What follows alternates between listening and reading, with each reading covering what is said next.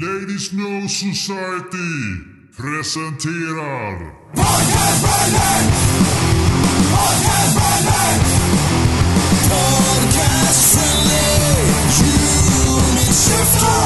November 2019 och vi ska dricka öl. Och diskutera kanske lite rock'n'roll. Tror ni? Och dricka Ja, öl. låter som, eh, låter som ett helt nytt upplägg. Helt nytt koncept, Mm. helt unikt. Eh, jag känner mig förvirrad. Jag vet inte riktigt vart Ja. det här ska ta vägen. Aldrig gjorts Ja. förr. Men då ska vi överraska med att prata lite film först. Oj. Bam! Ja. Eh, Ensam Clerks. hemma eller? Nej, Clerk. Clerks. Eh, vad har ni för, eh, vad heter det? Relation till Clerks och Kevin Smith? Jag såg ju Clerks i vuxen ålder, höll jag på att säga, men långt, långt, långt, långt, långt efter den kom. För att ni hade pratat så mycket om att det var en sån kultrulle som man bara måste se. Mm. Och vad hette den andra? Clerks 2? Ah. jag hade för att den hette något annat. Det var väl ganska många som kom däremellan. Ja, Dogma och... Jane Silent, Silent Bob Strikes Back Ah, ja. var väl emellan också. Men den var ganska rolig. Eh, Några klassiska citat. Mm. Och eh, smart gjord med enkel, enkla medel. Alltså jag- min relation till Clerks är ju att jag har en kompis som är så sjukt jävla eh, fanboy till Kevin Smith så att eh, jag har ju sett många av hans filmer därigenom. Jag, har jag har ju aldrig själv varit lika förtjust men jag kan väl förstå att det finns en viss dragning till dem, det kan jag. Ungefär så. Vem är den här psykokompisen som du har som gillar Kevin Smith så mycket? Ja. Det låter som en väldigt trevlig kar. det, det är ändå ganska, det som är ironiskt, han är ganska otrevlig och ful också men han är som ändå min kompis. så.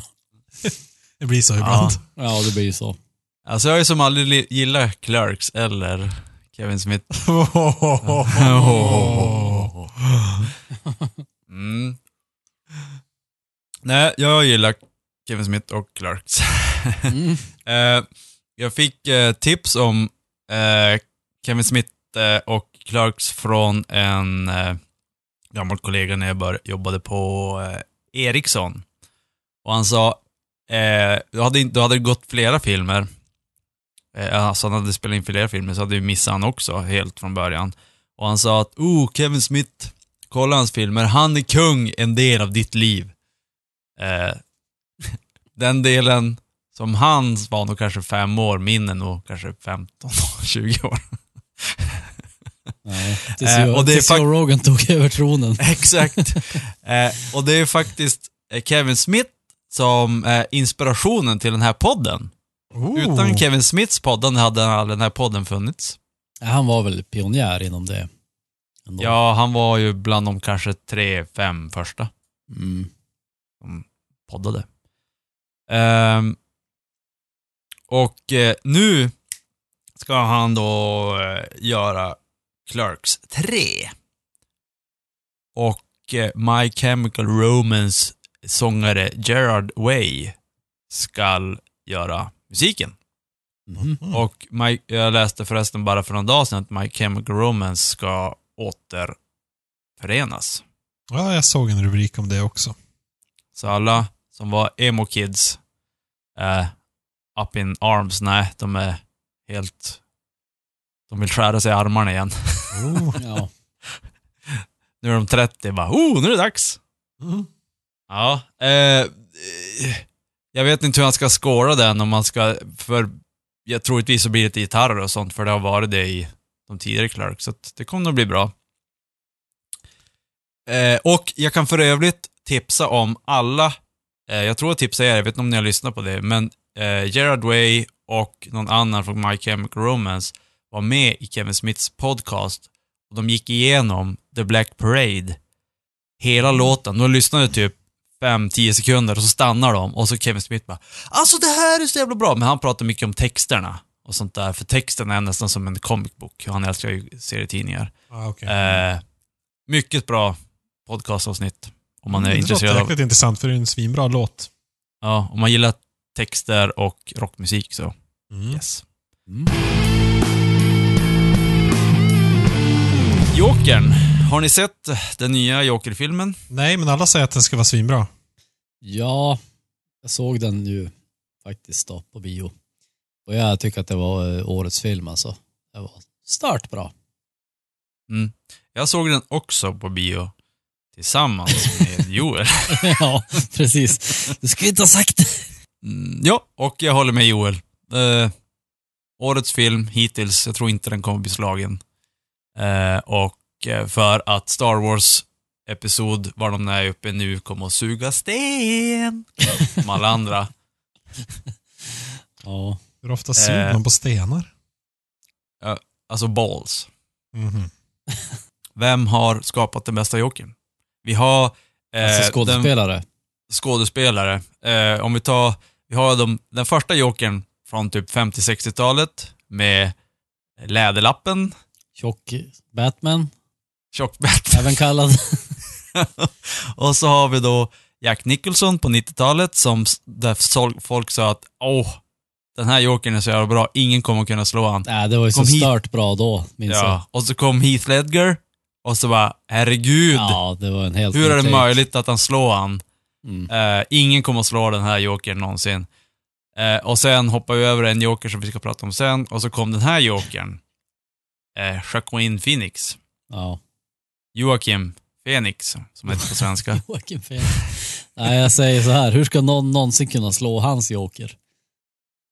Alltså du, du slår på pukorna för nya joker. Jag slår på pukorna för ny. Jag tyckte, jag tyckte Heath Ledger var sjukt bra, men Mm, den här rollen var som skräddarsydd för Phoenix, tycker jag. mm, okej. Jag Ja, tycker jag- ju då inte eh, Jared Leto om du frågar honom. Nej, men kan ju fråga Exakt. mig vad jag tycker om Jared Leto?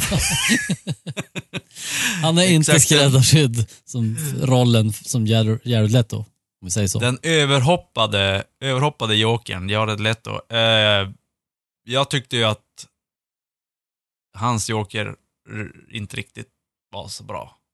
Nej, det var som en parentes i Joker-historien, tycker jag. Ja, utseendet, alla de här tatueringarna, någon sorts rock'n'roll joker. Nej, inte alls min kopp te.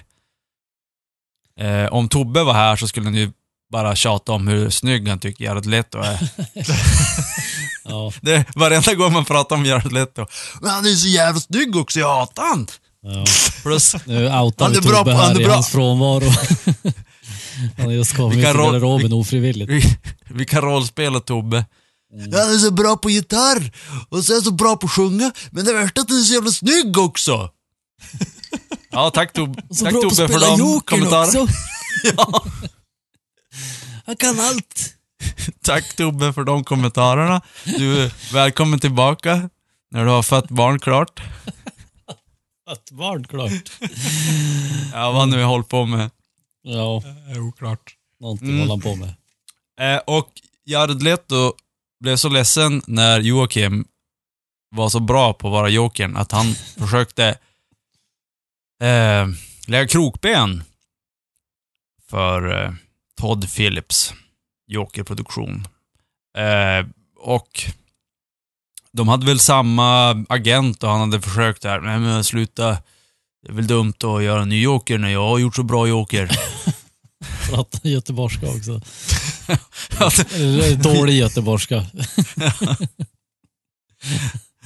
ja.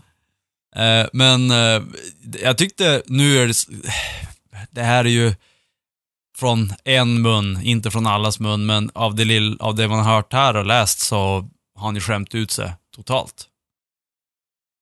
Han var ju en fin pojke, nu är han en rollspelande nörd. Han kanske ville vara lite mer bad boy. Det här har han sett att liksom... Ja, men jag, jag, kunde, jag kan också faktiskt vara lite elak och säga saker om andra skådisar. Mm. Ja, det var dumt. Han har väl börjat bli gammal han och.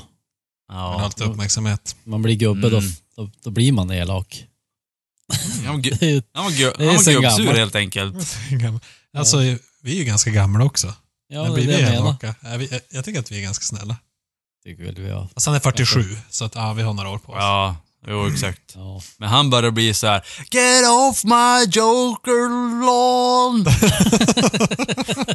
Exakt.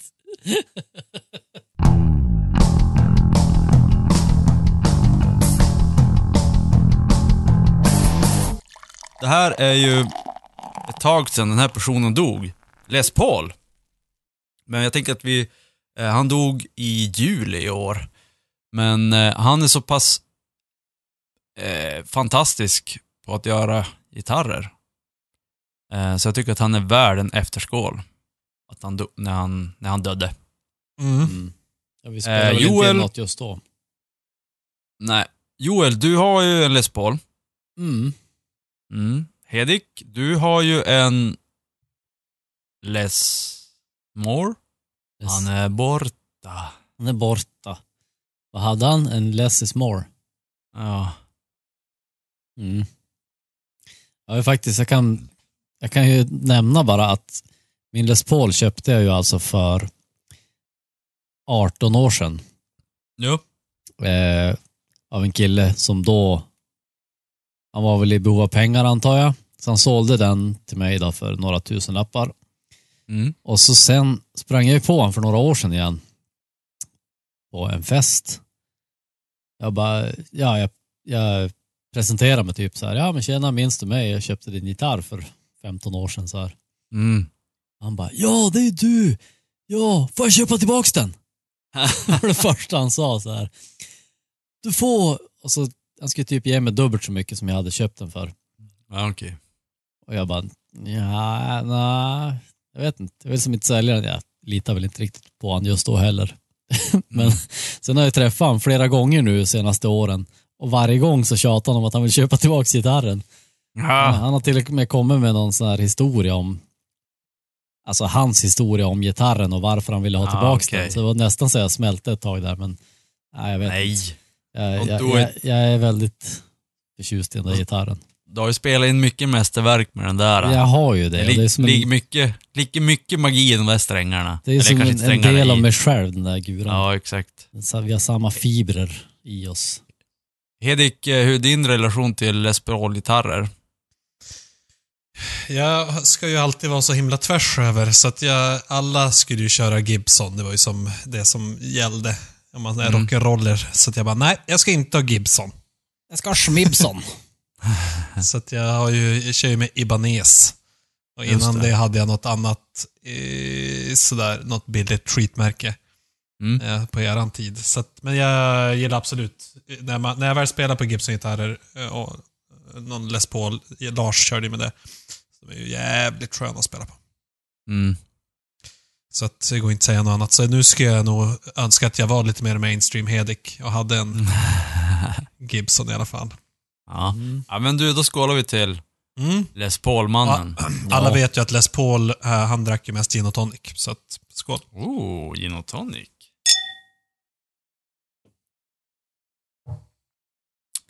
Jag trodde det var Guinness han drack. Gin, Ja. ja, någonting, något med gin då i alla fall. Guinness. Aj, aj, aj, aj, aj. Var han irländare? det tror jag inte på. Du tror inte? Nej. Nej. Jaha, så det du dricker Guinness alltså? Jag dricker Guinness. En extra stout idag. Och jag hade ju hoppats på eh, riktig basspecial idag, men nu, nu fick jag ju höra innan inspelningsstart att det blir ingen mustig basspecial, utan den kommer senare under Mm. den här säsongen. Men eh, jag tänkte, är det något instrument som verkligen är stout, som är stadigt och rejält, så är det ju basen. Som jag, vill Mm. jag vill ju alltid ha mitt lilla tema på ölen. Det är bra. Men Hur, du, hur krystat det än är så ska det alltid Ja, finnas det- en koppling. det är bra. Men jag kan Men väl säga du- så här då, Les Paul Extra Studio. Men jag har ju, Eh, en, det jag, där- har, jag har ju alltså en Les Paul Studio. Det är ju Ja. det är ju uppenbart vilken koppling det ja, var. Oh ja, oh ja. Ja. Mm. Krystat någonstans. stout, studio. Mm. alltså, nu är det illa. Jag, jag försöker inte ens. Eh, har, du, har du någon gång kört, eh, jämfört sida vid sida, vanlig Guinness och extra stout? För extra stout är väl bara att den är mer, alltså mer styrka? Eller? Den är starkare och den är också ganska rejält mycket bäskare. Mhm. Eh, och det är väl det jag gillar med den här också. Den, den har ju som mer smak. Ja, för Guinness är ju in, egentligen inte så mustig som man tror att den är. Nej, men vi har ju vi har väl pratat om det här tidigare. Det är ju Mm. en riktig sån här läskande efter joggingturen öl egentligen. Jo. Fast extra stout är mer en fredag kväll i november när, snö, Ja. när snön vägrar smälta bort den här som man Ja. tycker ska smälta bort. Ja, jag ska köpa en extra stout och köra höger-vänster med vanlig stout. Eh, och jag fortsätter att recensera fredagsölerna. Mhm. Eh, och nu kommer vi till ölen som kanske representerar fredags efter jobbet-ölen mest i västvärlden i alla fall. Budweiser. King of beers. Ja. Eh, och Budweiser och eh, Jack Daniels har ju två liknande roller i mitt liv. Eh, Jack Daniels och eh, har man ju sett alla rock'n'roll-killar som drack, så man tyckte att ja men det är ju coolt. Och sen Budweiser har man ju sett i alla filmer, alla serier från USA. Och det är klassiskt att herren i huset kommer hem, öppnar kylskåpet, kör en twist och dricker från en Budweiser. Mm. Eller Eh, Coors för den delen. Ja, course. Men Budweiser är ändå, det är ju king of beer. Så Ja, ja. course, course är väl queen of beer. ja. Eh, upp, Eller, min eller första... Man Who's Secretly Gay of Beers. Village people of beers. Yes. Eh, och min första upplevelse med Jack Daniels var att det smakade helvetet, satan i gatan, jag höll på nästan spy. Eh, hemma i Byske hos dig Joel. När din kusin bjöd på det. ja.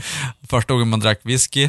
ja, just Fy det. fan. Den gången. Eh, ja. Eh, och Budweiser, nu minns jag inte riktigt första gången jag drack det, men det var ungefär samma, jag tror att det var samma besvikelse som första gången jag käkade på McDonalds.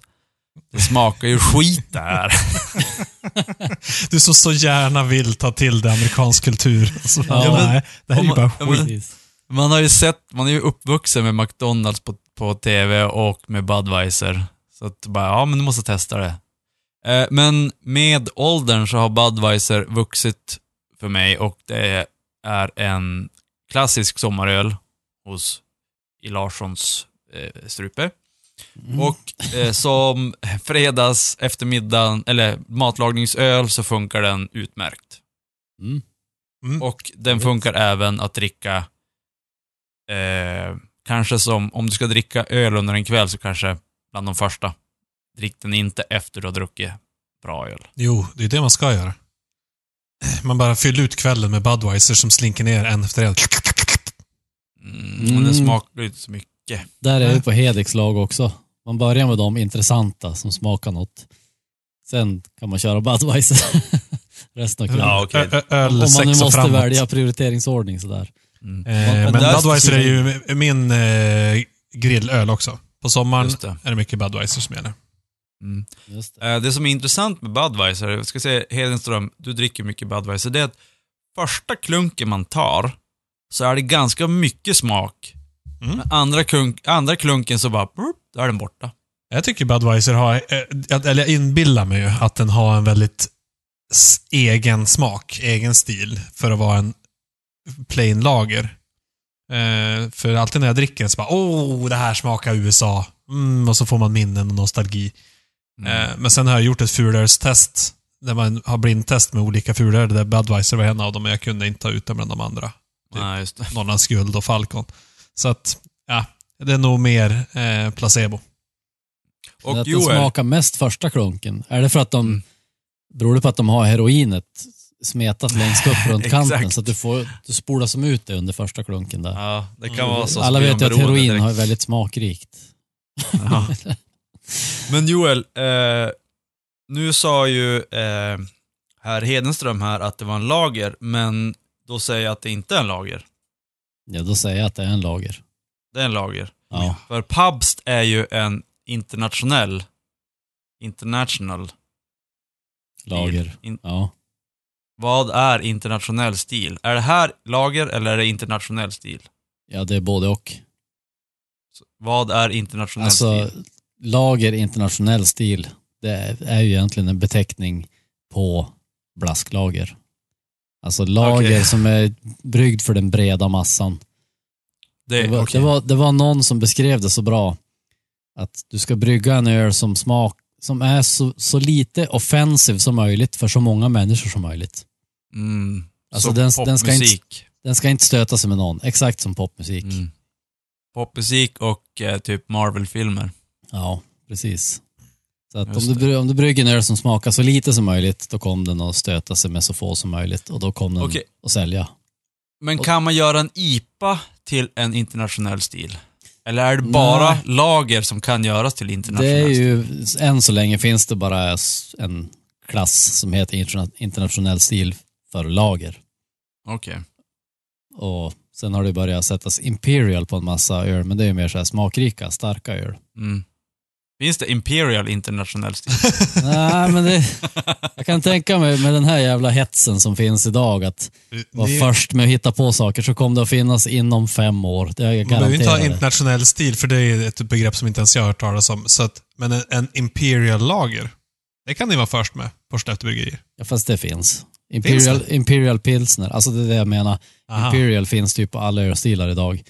Okej. Jag har det- bara sett det, det- på det- IPA och Stout.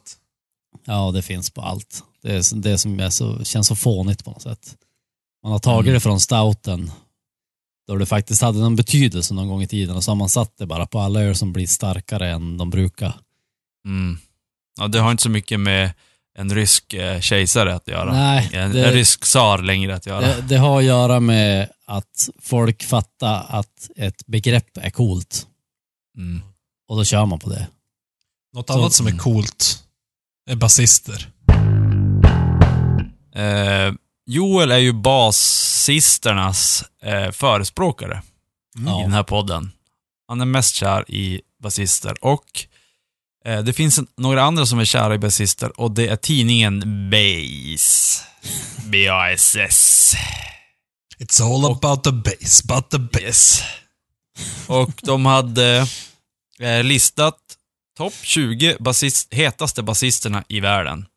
Och då tror jag hetaste var inte snyggaste, utan hetaste på att spela bas. Förhoppningsvis. Ja. Och eh, har ni kollat igenom listan? Nej. Alltså, jag hittade inte ens listan. Nej. Man var ju tvungen att köpa den Nej, där du- tidningen nej. för att... Du trycker och så sen är det Ah, en massa next. människor där. Men är det något som sticker ut på den här listan? Var det något särskilt Eh, du reagerar på? Eh, det är massa, eh, alltså, när det kom till så här, åh nu ska jag vara jättebra på bas, ja men då slänger vi in så vi har 15 strängar på basen, då blir det som så här, men sluta. Alltså jag är helt okej att du kör på en femsträngad bas, men om du kör mer än det, då får du gå och lägga det. Eh, Mer än det, då spelar du gitarr. ja, exakt. Men, eh, och eh, det var ju en del, och då blir det mycket så här att svammel, eller svammel, men alltså eh, nästan jazz fast bas. De ska bara stå och släpa och spela och det blir bara uselt. Eh, de enda basisterna som jag kände igen på den här, det var ju, och jag har ingen aning om de är bra, men Stone Sour, det är ju ett band som man har hört talas om i alla fall. Mm. Om man är bra på bas, alltså det känns som Stone Sour, vadå? Bra på bas i det bandet, de spelar bara tråkig rockmusik. Hur kan Ja, de... det kan jag också tycka känns onödigt. Det känns Jag lite inte. märkligt, men... Sen hade vi en basist från Five Finger Death Punch. Jag lyssnar Mm. inte så mycket på dem, eh, men där kan jag tänka mig att de har lite mer teknik i musiken. På bas, ja, jag kan också bassidan. tänka mig det. Det är ändå ren Ja. spekulation här alltså, men, Ja, Ja. men okej.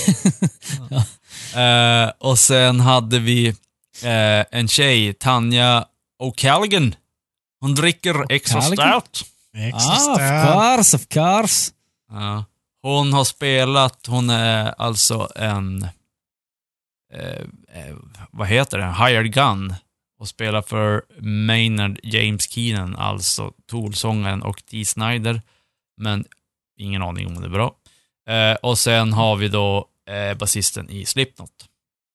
Även basisten i Royal Blood. Oh, Ja, just nu, det. nu börjar vi snacka basist och Oh, sångare. här då. ser jag också basisten i Periphery. Eh, prog metal band. Ja, just det. Ja, men prog metal och bas, det, det kan nog Ja, gå det hand i hand. Ja. Eh, men, eh, ja.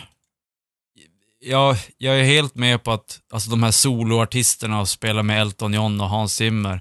Men jag är väldigt tveksam till Stone Sour-valet. Eh, men... Det jag måste säga var att den här listan var väldigt, väldigt politiskt korrekt. Det var ju damer. typ hälften tjejer. mm, Och om man ser till hur många som spelar bas på absoluta toppnivå i världen så lär ju 90% vara killar. mm. Så att det var väl eh, det väl duktigt av dem att lyckas hitta 10 tjejer som platsar. Ja, Mm. De kanske är så bra, vad vet jag? Jag kan inget om bas. de är säkert jätteduktiga.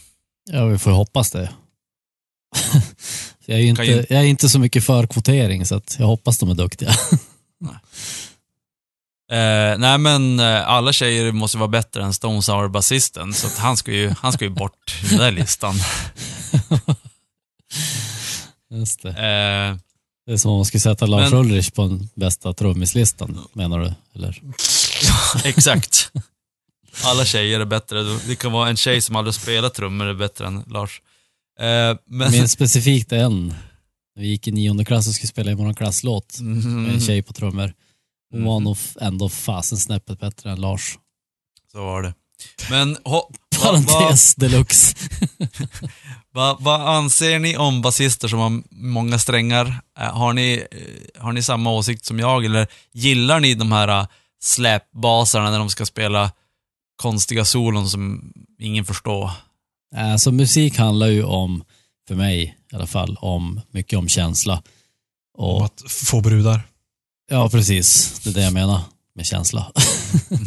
Nej, men alltså det spelar ingen roll hur många strängar man har. Huvudsaken är att man gör det bästa av de strängar man har. Som jag brukar säga. Okej. Men det kanske vi Så kan... säger bara folk med små kukar. Precis. Vi kanske Du menar kan... med få strängar? Ja, jag menar, Ja, exakt. Vi kanske kan fördjupa oss lite i det i det riktiga bas deluxe avsnittet som kommer sen Mm. i höst. mm. Mm. Frågan är ju om det är så lätt att spela ett riktigt fancy ba- bassolo med sina tjocka fyra strängar eller om det nästan krävs att man har lite finlämmade sexsträngade, åttasträngade instrument för att göra de där. Men då fuskar du ju. Bara, ja men jag kan inte spela på tjocka strängar. Jag måste göra smala strängar så jag kan spela mina solon. Det är bara fusk. Mm, och då har du ju i princip en gitarr. Mm. Ja, så det är bort det med jag säger. Sex strängar, då kan du byta gitarr istället om du vill hålla på. Exakt. Exakt. Sådär. Eh, Och då ska jag ju säga utav de som nu poserar med sina baser här på bilderna, utav de som är nu topp fyra, så är det ju bara Stone Sour som har fyra strängar på sin bas. Mm, Så du exakt. gillar ju han bäst. jag gillar ju han bäst, men... Nej, men, men känslan är eh, paramount. Den som gör Ja. det bästa av Ja. de strängar man Men eh, den som vann här då, eh, allra bäst i världen just nu, är då Joe Dart i Wolfpack. Är det Mm. någon ni känner till? nej. Aldrig hört. Världens bästa basist. Mhm. I, I eh, det framtida superbasavsnittet, då kommer vi att lyssna på Herr Dart. I Wolfpack. Det här avsnitt, hela det här avsnittet är egentligen bara en teaser inför... Det är bara en teaser för det stora basavsnittet. Ja. Det kommer, vad, vad ska det heta? Ska det heta det stora basavsnittet eller superbas? Jag tyck- Eh, ba, den- bastanta damer. Ja, vi, jag tror vi får eh, Ba, slå... ba, bastuklubben. Det är Eh, därför han- sammanställer. Ja, basklubb. Därför han i Stone Sour är sämst. För att man baser och syror, det tar ju som ut varandra. Mm. Oh. Åh, nej. Sen kanske vi kan få Bastard Burger att Mm, något sponsra avsnittet. En välkänd basist inom metalvärlden, där vi är och springer ganska ofta, är ju David Elfsson. Mm. Eh, han har ju då varit, han och Dave Mustaine har ju varit med i eh, Megadeth sen början. Och eh, var full, har varit, vad ska man säga, kompisar. Fullvärdiga, ihop fulla ihop. Fullvärdiga eh, kompanjoner. Eh, men eh, när, vi ska se, när var det? 2004 så somnade Dave Mustaine i fyllan på sin arm och bröt en nerv. Så han eh, kunde inte spela gitarr. Just Och det, då- det här har vi pratat om för flera år sedan i podden vet jag. Ja, exakt. Det, låter, det, det rings otroligt bekant. För att det var, den officiella var grejen att han hade somnat på armen och han hade förstört någon nerv, men vi, vi läste rakt igenom och han var ju raserfyllan. Han hade typ försökt, försökt, jag vet inte, spela på en bas med sex strängar. Helvete. Jag tror, jag tror han skulle köra runktricket. Fast han vill inte erkänna det. Ja, att man satt på sin egen arm tills den somnade.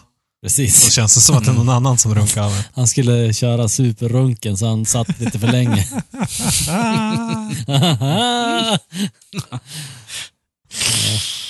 Eh, eh, nej, det var 2004 så körde han en reform av eh, Megadeth.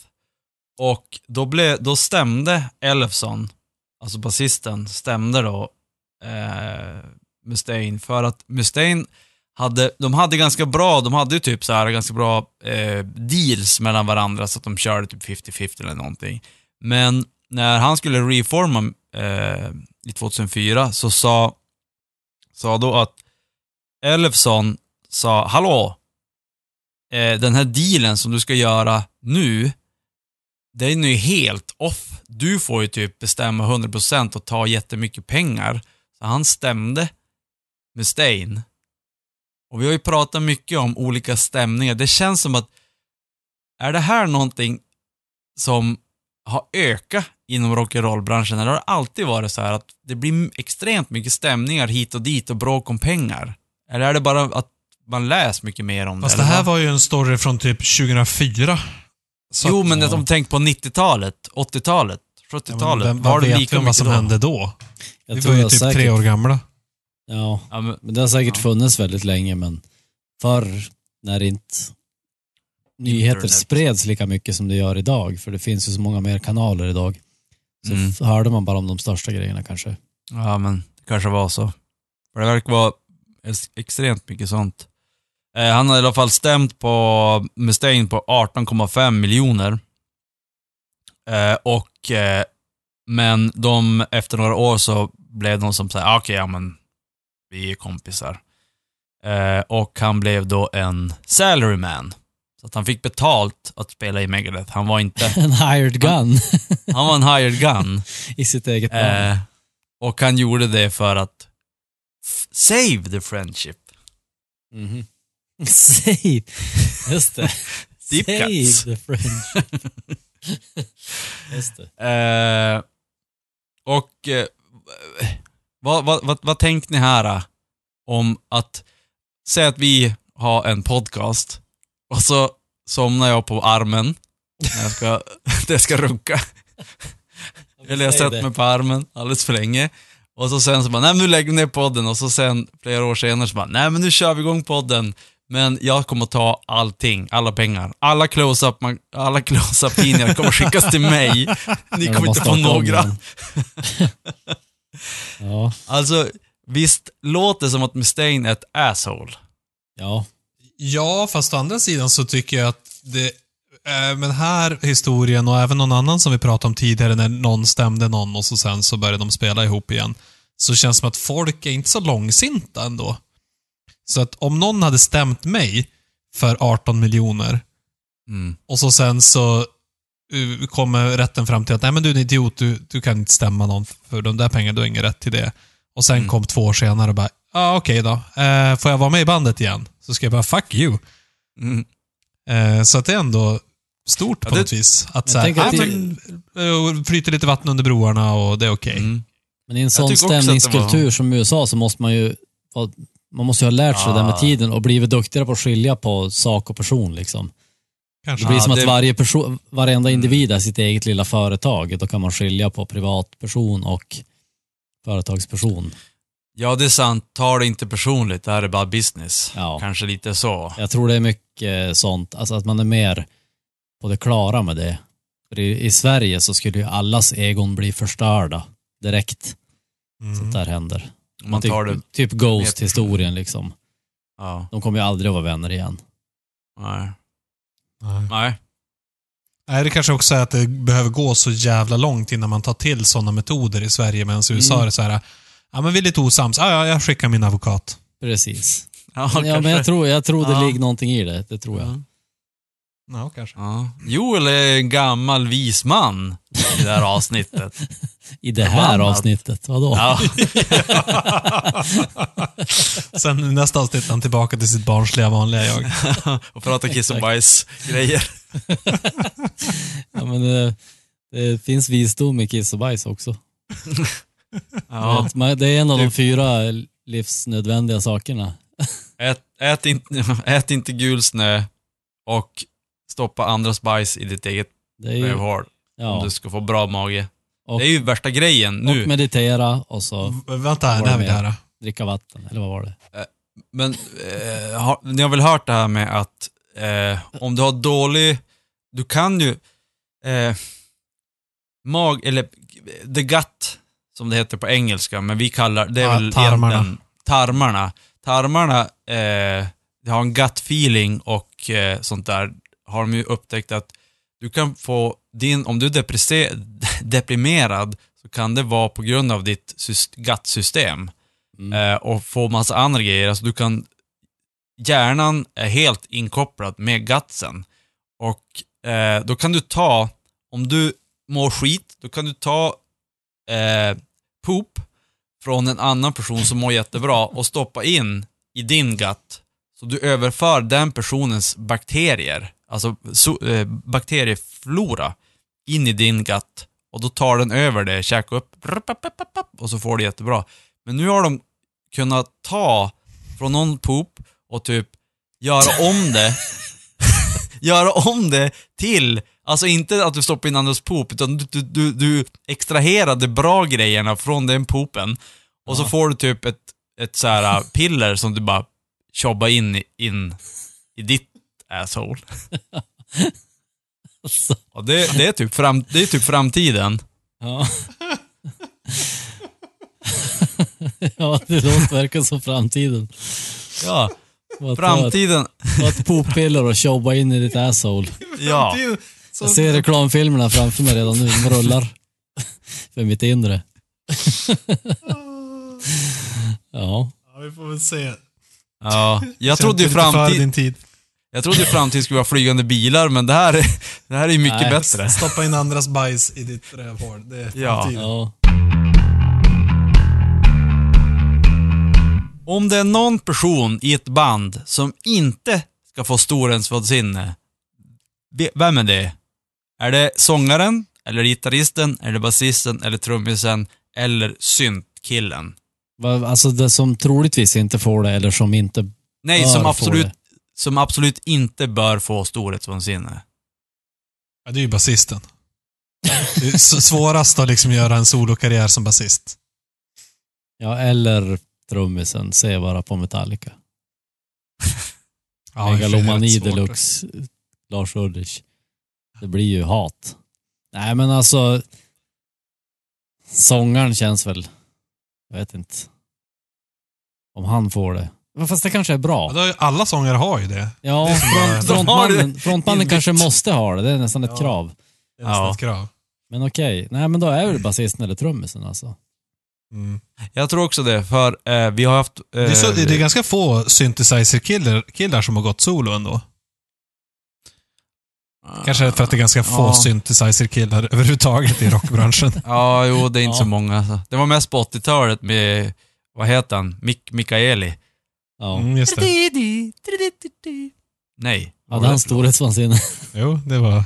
Ja, han fick, han skulle, han bara Alltså grabbar, det här gitarrsolot. Kan inte jag spela det på min synt? Och så fick han göra det, storhetsvansinne. Ja, synd direkt. så jävla Ja. klassiskt storhetsvansinne. Eh, Fast nej, han men är jag, typ den enda i Europe som inte har skrivit en biografi, så att jag tror att han har minst storhetsvansinne. Han fick ju utlopp för det där. Mm, Den-. Sen var det över. den, den som har störst storhetsvansinne i Europe, det är väl trummisen. Eh, Vad heter han? Ja, vad han heter. Ja, Syd. han Micke tror... Syd. Mick- Nej! Nej! Det är ju... Micke Syd. Typ ju samma. typ samma. De var också från heter? Europa tror jag. Eh, Danger. Nej, han har ju något så töntigt namn. Ian. Ian McKellen. Nej, Ian... Haglund. Haglufs. Ian Haglöfs. Haugland. Ja, just. Haugland. Ja. Eh, han, är ju, han tror att han kan prata på radio och han tror att han kan spela trummor. Han är ju i klass, alltså han kanske till och med sämre än eh, Metallicas Lars. Ja, Sat, ja, ja, ja. Satan så dålig han är på trummor. Han är otroligt dålig. Alltså Jag- Jag fruktansvärt har i all- dålig. i alla fall gett han fingret en gång och det är jag nöjd över. Va? Berätta mer. Vi, när vi spelade med vårt band så var vi med i såna här talangtävlingar. Eh, Lollapalooza. Nej, inte Lollapalooza, det är en festival. Vad hette det? Mm. Äh, det var någon ap- Jo, Apocalyptica. Inte minns jag. Ja, något Eh, i alla fall. Ja, säkert. I alla fall. Så vi kom till final i det där eh, och då hade de en jury som skulle då Mm. utse vem som vann. Eh, tillsammans med publiken. Mhm. Eh, och då var Ian Haugland en del av juryn. Eh, och vi insåg att vi kommer inte att vinna det här. Eh, för att man skulle ha flest som röstar på en i publiken och vi hade typ fem pers där som Ah. lyssnade på oss och något av de andra banden hade typ dragit dit hundra pers. Så att jag tog min chans och sa att den här tävlingen är ett jävla skämt. Så att jag tänker ge fingret åt er i juryn och så spelar vi bara våra låtar. Mm. Så att jag gav fingret till eh, Ian Haugland från scen. Nice. Och det var han värd. Ja, så dålig som han är på trummor. så. Men i alla fall. Som människa. Ja. Eh, jag tror ju också att som basist så är det dumt, basist och trummis så är det dumt att få storhetsvansinne. Eh, jag tror däremot det, den absolut sämsta personen i ett band som ska få storhetsvansinne är basist. Om du inte spelar i ett funkband. Då är du typ stjärnan. Eh, för en trummis är ju som ändå lite mer så här eh, om du är bra, om, alltså du kan låta mycket. Trummis. Ja, och vissa kör ju med att de kör lite trumsolon och Exakt. lyfter upp trumsetet med någon mekanism och grejer. Om du tänker Ja. på Slipknots trummis, han var ju jättekänd. Jord, Joey Jordansson.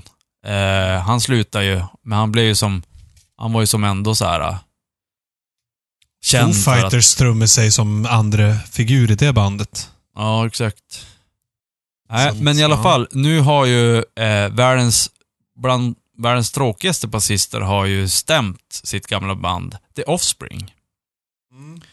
basisten där, eh, han var med och startade bandet, men han har ju då, han fick sparken eh, för att han hade, det var ju också så business, han hade sagt att eh, resten av bandet hade startat typ egna devised a scheme and entered into a conspiracy with each other eh, to seize business, business opportunities and ass. It's Mm. Han, de ville inte dela på deras fina poop till han. Eh, så, att, ja. I, alltså, ja. Jag tänkte Ja. så, här, varför kan, inte bara, varför kan inte bara folk vara snälla med varandra? och typ så här. äh, sluta hålla på och jävlas. Ja, men verkligen. Men så- frågan, är vad, frågan är om de hade gjort det då, eller om han bara var liksom... Ja, han kan ju vara, han kan vara sy, han kanske inte hade, han har kanske dåliga poop. Alltså han, hans gut bacteria är ju helt Det är det jag menar, han har inte tagit sitt Ja. poppiller för den dagen. Nej. Kan ju vara det. Och bara, ja, men, Eh, kanske är bara dåligt idag, jag måste nog stämma någon. Det är så vi gör här i USA. ja. Det är ingen Ja. som tar illa upp för det. Nej. Så han har i alla fall, jag vet inte om han fick sparken eller hur det var, men han har i alla fall stämt resten av Offspring nu. Eh, men, ja. Det är som... Man blir som less på de här jävla idioterna. Sluta Mm. stäm. Ja, Stäm, och- stäm instrumenten istället. Ah. Åh. Var snälla med varandra och prata. Vi måste nästan köra saken. stämspecial någon gång också. Alltså, Ja. bara kolla alla absurda stämningar som har dykt Mm. upp inom. Jaha, jag trodde du tänkte vi skulle sitta och stämma gitarrer ett helt avsnitt. Det blir inget bra avsnitt. Det är ju en av- Det är en av de bästa låtarna på Svullos skiva. Ding, ding, ding, ding, Ja. ding, ding, ding. Ja, du är stämningsman! Ja, exakt. Det var ju en massa så här mellanspel. Ja, Alltså exakt. sketcher mellan låtarna. Det var så sjukt bra. Ja. Nej, vad fan håller du på med nu då? Jag är stämningsman. Alltså, Jävla bra. Ja. Nej, men eh, Vila i frid, Eh. Micke. det vi kan säga med säkerhet, det är att basister ska hålla sig på, hålla sig på linan och inte hålla på och springa omkring och stämma folk. Eh, nej, men eh, jag måste gå och eh, jobba in lite pop. Mitt pophår nu. Så jag har inte tid med er. Auf. Wiedersehen! Auf Wiedersehen! Tschüss!